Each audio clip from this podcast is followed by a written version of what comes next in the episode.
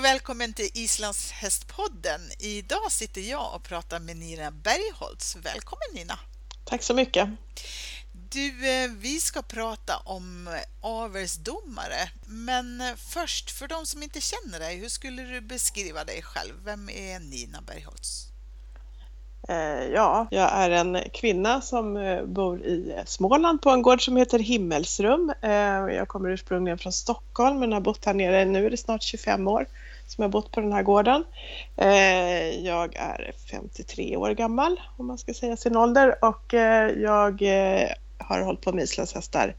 Första gången jag kom i kontakt med dem var egentligen i mitten på 70-talet och fick min första islandshäst 1977 så jag har ju jubileum här i vår just som islandshästägare och eh, började rida islandshäst kanske 76 kan jag säga. Så jag har hållit på väldigt länge inom den här gebiten då eh, med islandshästar. Eh, från början så hade jag min egna häst men sen efter kanske tio års tid så började jag min dåvarande sambo att köpa på oss lite hästar för att starta avel.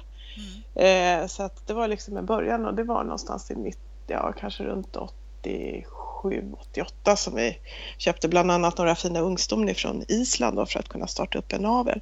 Nej. Parallellt så har jag jobbat, eller jag har jobbat med islandshästar i 25 år också eh, och eh, på heltid då, och eh, jag har bland annat tävlat jättemycket kan jag väl säga genom åren. Jag tävlade SM mellan Eh, med lite uppehåll mellan 1979 var första start och 2013 eh, har jag tävlat sista SM hittills och det har blivit 26 stycken genom åren plus diverse alla möjliga andra tävlingar genom många år så jag tycker väl kanske att jag har hållit på med allt möjligt. Ja, en gedigen bakgrund. Ja, ja det kan man väl säga. Och sen eh, är du avelsdomare.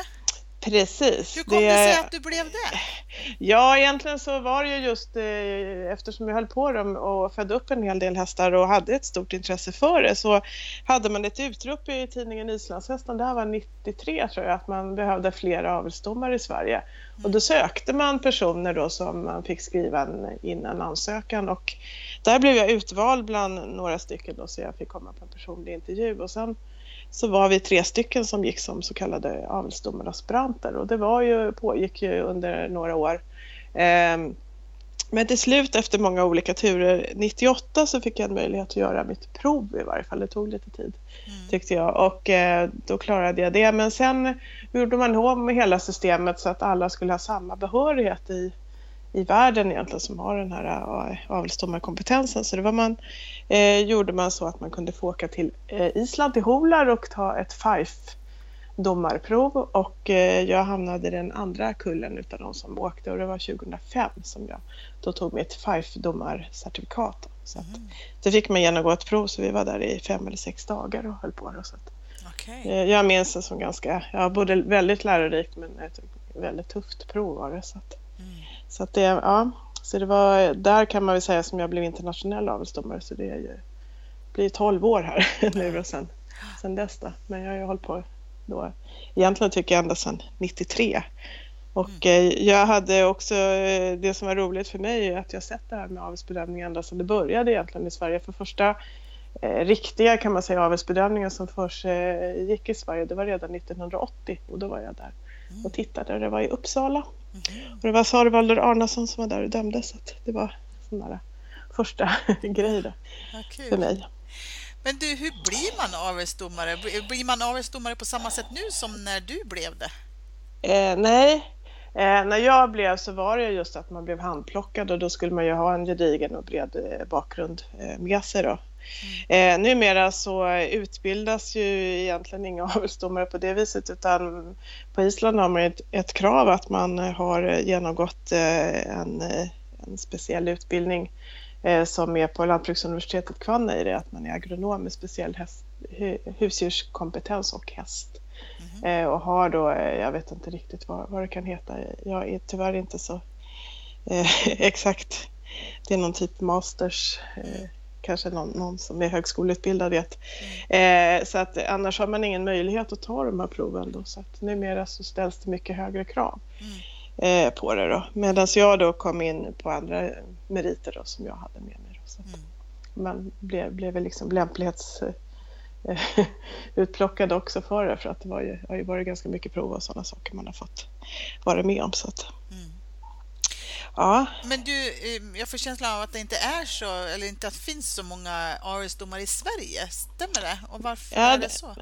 Ja, det stämmer. Vi har ju under ganska många år nu varit tre domare. Ehm, jag, Rebecka Frey och Gudny Augustsson. Mm. Ehm, men sen har ju, har ju Heimir flyttat tillbaka hit till Sverige och är numera avelsledare i, i Sverige. Och han är också avelsdomare. Han tog sin examen på Island för ett par år sedan. Så numera är vi fyra stycken som finns här i Sverige. Mm. Det är de enda som finns så att säga, som är avelsdomare? Ja, ja precis. Ja. Och eh, jag kan inte säga, jag kommer inte ihåg en exakt siffra för hur många som finns i världen, men jag tror att det är någonstans 37 eh, eller 38 okay. personer. Och då är ju eh, 19 stycken tror jag på Island. Ja, och resten är då i, i ja, ja, både Sverige, Norge och Danmark har ju avelsdomare, Tyskland, Österrike, Holland och nu har det kommit en domare på Färöarna också. Okay. Så, att, eh, så det är lite spridning på det i varje fall. Då. Men eh, egentligen är det ju så att eh, vi behöver egentligen inte vara flera. Ni behöver inte vara det? Inte, nej, nej, så att det finns inte utrymme riktigt för, för oss. Vi måste döma visst antal hästar för att kunna upprätthålla vår kompetens. Annars är det ju svårt att vara en duktig domare och det är lite så där man får jaga på här. Ja, ja, ja. Speciellt om man inte är isländsk domare då, där de har betydligt flera hästar som, som kommer till bedömning än vad det är i andra länder. Är det Ändå satt vi... liksom ett antal som man måste döma då? Eller? Ja, man måste döma minst 200 hästar på två år. Okay. Så att, eh, och minimum är 50 hästar per år. Mm. Annars måste man göra om sin eh, domarexamen. Mm. Dessutom måste man vara med på, eh, de har ju avelsdomarseminarium som går vartannat år. Mm. Och då måste man vara med på minst ett vart fjärde år i varje fall. Men helst ska man ju vara med på alla såklart. Så att, mm. så att det, det, ställer ju krav att man är med och att man dömer och, och, håller sig informerad och vet vad som händer och så. Annars blir det väldigt svårt att jobba med det här. Och så. Mm. Så att det gäller att döma så mycket som möjligt. Men hur ser en avelsbedömning ut för dig som domare då? Eh, hur vi går tillväga menar du, mm. eller hur det sker ja, liksom rent praktiskt? Ja, både, både och så att säga. Ja. Om, kan berätta om, om en avelsvisning. Ja, det, det som vi som domare gör, vi har ju oftast inte hand om, det finns en station där hästen kommer till först som är eh, en mätstation där man också kontrollerar eh, hovbeslag och man tittar i munnen efter skador eh, och tittar igenom hästen och det är oftast utförs av en annan personal. Ibland brukar jag jobba även på den avdelningen men då jag inte, dömer jag inte hästarna. Men som avelsdomare så börjar vi alltid med att se hästarna i grupper och titta på exteriören då. Så att det är alltid exteriörbedömning först utav hästen och sen så tittar vi när hästen rids, ridegenskapsbedöms då. Mm. Så att eh, och det är det vi gör och sen dömer vi också något som heter öppna bedömningen som kommer sista dagen på bedömningen. Mm. Där hästarna får en möjlighet att visa sina ridegenskaper en andra gång. Mm. Så att det är egentligen det vi jobbar med så att det är mycket att, att titta. Vi, vi tittar på hästen uppställd då exteriört framför oss och vi tittar på benställning när hästen går i skritt och eh, helst ska den springa i trav. Och sen tittar vi på hästen då på ridegenskapsbedömningen när den springer på en rak bana fram och tillbaks, eh, max tio sträckor. Det låter ju alltid lite så roligt när man ska berätta vad man gör för någonting. Mm. För att en häst springer fram och tillbaks tio sträckor och vi sätter poäng. Ja, det, men, men det är lite mer komplicerat kanske, både för oss och eh, framförallt för de som visar hästar. är det ju. En konst kan man säga. Mm. Du, eh, de gånger som jag har varit och tittat på avelsbedömning, då är det tre domare. Ja, det stämmer. Är det vi är, ja, Eh, I varje fall om det är fler än 25 hästar med på bedömningen så, så eh, eh, brukar vi vara tre stycken, eller vi ska vara tre stycken helt enkelt. Mm. Och det är ju för att man ska kunna jobba tillsammans och vi dömer ju alltid tillsammans i en grupp så det är en form av grupparbete kan man säga som vi ägnar oss åt. Jag tycker det är en väldigt bra styrka just i avelsbedömningssystemet att att vi kan jobba på det här sättet i en grupp. Jag tror att vi blir bättre som domare där när man också kan resonera tillsammans. Då. Och eh, i gruppen så är det alltid en person som är huvuddomare mm. och den har egentligen sista utslagsröst om det nu skulle vara så att man är oense om poängen då. Så är det alltid huvuddomarens röst som är den som väger. Men ofta så, jag, alltså min erfarenhet av alla de här åren är att det är sällan som man har några stora liksom, eh, meningsutbyten utan man är ganska samkörd, man vet liksom vad man ska titta på och man, mm. man lär sig på något vis att ja, döma. Det, det är, vi är ganska, eftersom vi är en ganska liten grupp så har man ju väldigt mycket liksom, ja, vi, vi tränar oss tillsammans kan man säga då, på, på att bli korrekta. Och i den här grupperna så är det ju också, eh, det bästa är ju att om det är en blandning eh, utav domare från från eh, i varje fall att det är någon som kommer utom, utomlands ifrån. Alltså, mm. Vi brukar ju ofta få in domare från till exempel Island då, men mm. det kan även komma danska eller norska eller tyska domare har vi haft. Så att, och det är mm. alltid lika spännande mm. att få samarbeta. Mm. Du, ni har en skala från 5 till 10? Precis, vi har fem med, halv, med halvpoäng då, så 7,5 är medel. Eh, så en, sju, får de 7,5 på en eh, mm.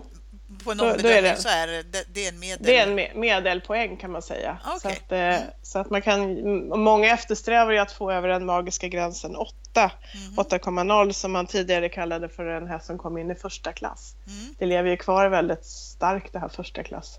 Fast egentligen ska man inte prata om det för att det är nämligen så i det här systemet när det gäller ridegenskaper att det är lite svårare för en häst som inte har pass att komma upp högt i poäng. Mm. Så därför har man tidigare, sedan tidigare valt att försöka ta bort det här med första.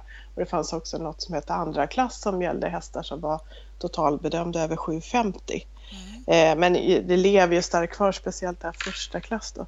Och det är många som eftersträvar att komma just över den här magiska åtta gränsen då. Mm. Men är det därför det har tagits bort det här med första klass för, med tanke på uh, fyra och fem gångare? Ja, det, det, är ju för att det blir ju lite missvisande. Om man inte vet och bara stirrar, stirrar sig blind på den här totalbedömningspoängen mm. så, så kan det, det är ju svårare för en fyrgångshäst som inte har pass som då bara får ja. 5,0 för, för pass. Det blir ju svårare så jag brukar alltid rekommendera om man ska titta på bedömningar och leta kanske efter hingstar att man ska titta på individens eh, egenskapspoäng, alltså vad den har för tölt och mm. trav och galopp och så vidare. Eller när det gäller exteriör att man också ska titta på det och det går lätt att göra via Wordfinger om man går in där och klickar sig mm. vidare på något som heter skriv ut bedömning så kan man se det här. Mm.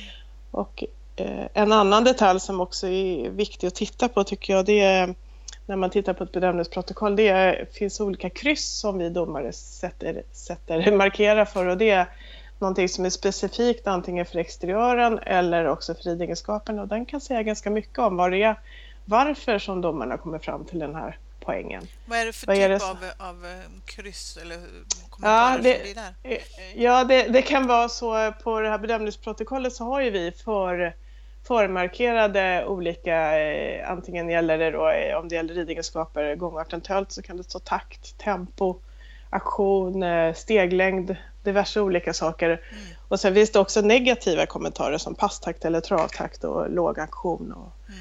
tempofattigt och vad det kan stå för någonting. Då. Mm. Eh, och då ska vi sätta i kryss då, som motsvarar för det första då, vilken siffra, bedömningspoäng som hästen får. Mm. Och sen ska det beskriva just vad den här hästen, till exempel hur den här hästens tölt är. Att den är eh, med bra takt eh, men kanske inte har så mycket tempo eller någonting. Om det skulle då vara en siffra som kan vara 7,5 eller 8,0 eller någonting sånt där. Så att, mm. så att det är också någonting som jag tycker är viktigt som jag brukar försöka beskriva för människor som är intresserade och frågar just om de här sakerna. Då. Man ska titta just på det här. Mm. Det säger mycket mer än bara kanske totalpoängen som hästen får. Mm. mm.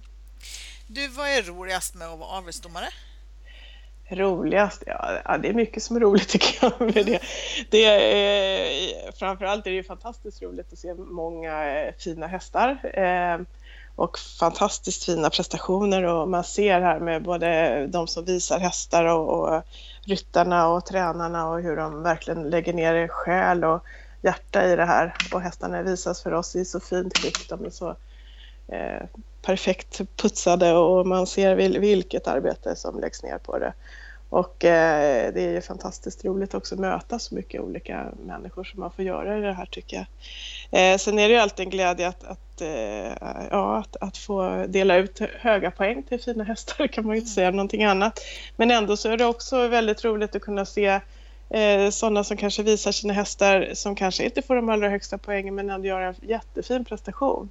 Mm. Det är inte så att alla hästar kan ha 8,50 ridegenskaper till exempel utan det kan finnas hästar som, som visas upp på ett alldeles ypperligt sätt men kanske inte får de allra högsta poängen men ändå är, har gjort sitt allra bästa och det tycker jag också är väldigt glädjande att se. Det, så att, mm. så att det, det, det är också väldigt, väldigt roligt att, att jobba som domare tycker jag. Så att, det är liksom årets höjdpunkt tycker jag, ja, ja. när det här börjar. Så att, ja. kul. Du, vad är svårast då? Svårast? Ja, ibland kan det ju vara mm, det finns ju, men det är ju bara att, att kunna sätta eh, korrekt poäng egentligen och känna att det här verkligen eh, hur ska jag säga? men, men visst, det ligger väldigt mycket bakom när man ska sätta de här poängen. Sen vet man ju, man är väldigt väl medveten om att just när det gäller avelsbedömning att det är mycket pengar och mycket förhoppningar och, och hästar som kommer kanske bara visa sig en gång i livet och som kommer just på den här så då måste allting vara liksom på topp. Och, och det är det också, vi måste också vara på topp som domare och, eh, eh, och naturligtvis är det ju svårt också att se, en, ibland misslyckas det ju och man, man kanske får träffa på både eh, ledsna och lite arga mm. ägare eller tränare och då måste man ju på ett bra sätt kunna svara dem också på varför det har blivit så här eller, mm. eller så. Och jag tror också att eh, man har en stor nytta av ifall man själv håller på med hästar och haft hästar för visning. Att man, man, det är bra att kunna vara på, på alla sidor på något sätt. Att man har provat på de olika rollerna faktiskt. Att, har du visat själv? Jag har inte visat själv Nej. någon häst. Eh, däremot har jag ju haft hästar genom åren som har visats. Ja, precis. Så att jag har varit med liksom som mm. hästägare och ja, coach och allt möjligt där. Så att man, man, eh, men jag har inte visat någon häst själv. Har jag inte gjort. Det är ju så få personer som, som visar hästar vanligtvis på avelsvisningar.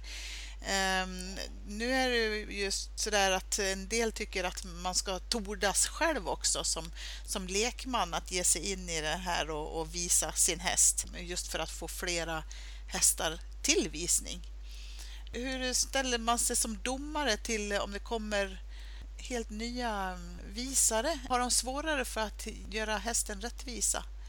Tänker du? Eh, eh nej, egentligen inte. Eh, jag brukar ofta tycka det är väldigt roligt när det kommer nya som vill visa hästar. Mm. Men det, det, är klart att det är ju svårt att visa mm. och det tror jag att de flesta blir varse om ifall man provar. Mm. Eh, och det finns ju en anledning till att det finns eh, sådana som nästan är professionella avelsvisare. Att man blir ju bra på det man gör mycket av. Det, det är ju helt enkelt så. Eh, så det är klart att de är proffs, men jag tycker inte att man ska vara eh, alltså rädd att man, man måste ju börja någon, någonstans. Alltså, alla har ju börjat i någon ände mm. och man måste våga börja och prova. Och jag tror, tror och hoppas att det kommer eh, att det kommer en hel del nu som faktiskt kommer att visa sina hästar själva.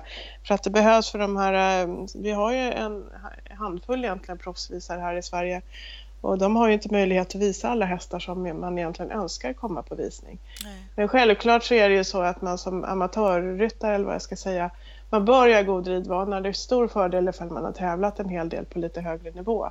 Och sen eh, är det en stor fördel också ifall man kanske åker och provar på, vi kommer ju ha en del eh, prova på eh, visningskurser och sådana saker där man kan prova och rida ett bedömningsprogram för en domare. Mm. För att kunna få utlåtanden och testa och det tror jag man har jättemycket nytta av mm. när man sen ska komma där. Så att, mm. Är det sådana eh, planerade som du vet om nu eller? Eh, eh, ja, eh, egentligen bara två som jag vet om än så länge.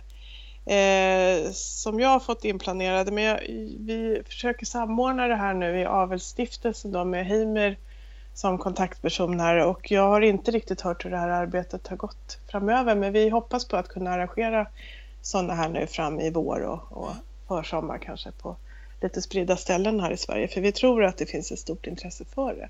Mm. Och jag tror också att det kan vara en jättebra början mm. eh, att testa det här och, och se hur, det, hur det liksom funkar och, och, och rida en, ett program på rakbana mm. som är lite annorlunda. Och jag tycker det personligen, och det vet jag många av mina kollegor håller med om också, att man blir nästan inte det finns nästan inget roligare än att döma en, en ny eh, ryttare som gör en fin visning med en häst. Mm. Alltså det är inte så att det spelar någon roll egentligen vem som sitter på för oss. Självklart känner vi igen många av de här ryttarna men de visar ju så mycket hästar så vi är så vana vid dem. Och mm. För mig är det oerhörd glädje att se en, en ny duktig ryttare visa upp hästarna på ett fint sätt. Det är, fantastiskt kul tycker jag. Ja. Eh, och sen en, en till grej angående det här är ju att man eh, även som ryttare kan fråga domarna. Man kan ju inte klampa in precis under bedömning men, men när vi har raster eller eh, efter eller någonting så kan man fråga om råd och tips också. Ja, det. Så att det är inte så att ja, vi, vi går och pratar med. Ja. så att, ja. Ja, vad kul. Att, vi får se om det kommer flera som, som vågar sig på att visa Ja, det vore jätteroligt tycker jag. Mm. Ja, alla är, är så välkomna tycker jag. Att, Ja. Visst är det svårt, men det är inte omöjligt. Nej, precis. det, precis. Det så. Har man någonting att förlora på att göra det? Ja, men alltså går det väldigt, väldigt dåligt, det är klart att det inte är ett fördel för hästen. Det är väl det som är problemet då. Nej. Det kan ju avspegla sig sen i bluppen till exempel på den och sådana mm. saker. Och det, det vet jag att många gör, att de, de tvekar till det. Mm. Det som vi önskar är ju egentligen att det ska komma många fler hästar till bedömning. För det gör ju också att hela populationen, man får en mycket större säkerhet på vad det är för några hästar vi har. Mm. Så därför så vill man ju väldigt väl att det ska komma fler hästar till visning. Då. Det är ju bara en liten, egentligen eh, handplockad grupp hästar som kommer på bedömning och, vi skulle önska att även de här vanliga så kallade hästarna också kom mm. Så att vi kunde få se en mycket större bredd på egentligen hur islandshästarna är. Så att, mm. men, men det, det, är väl tyvärr man kan önska men det är ju lite svårare för det kostar ju ganska mycket pengar runt, runt omkring det här med. Så att... mm. Mm. Ja, spännande. Vi får se hur det utvecklas här framöver. Mm. Ja. Du ska ha stort tack Nina för att vi fick eh, prata med dig en stund. Ja, det var jättetrevligt. Tack själv. Jag, jag hoppas att eh, jag kan hjälpa till här och sprida mer kunskap och information och, och peppa några och faktiskt komma med hästar till visning. Så. Ja. Det är min önskan. Mm. Vad kul! Ja, det hoppas jag också. ja. Tack så mycket! Ja, tack!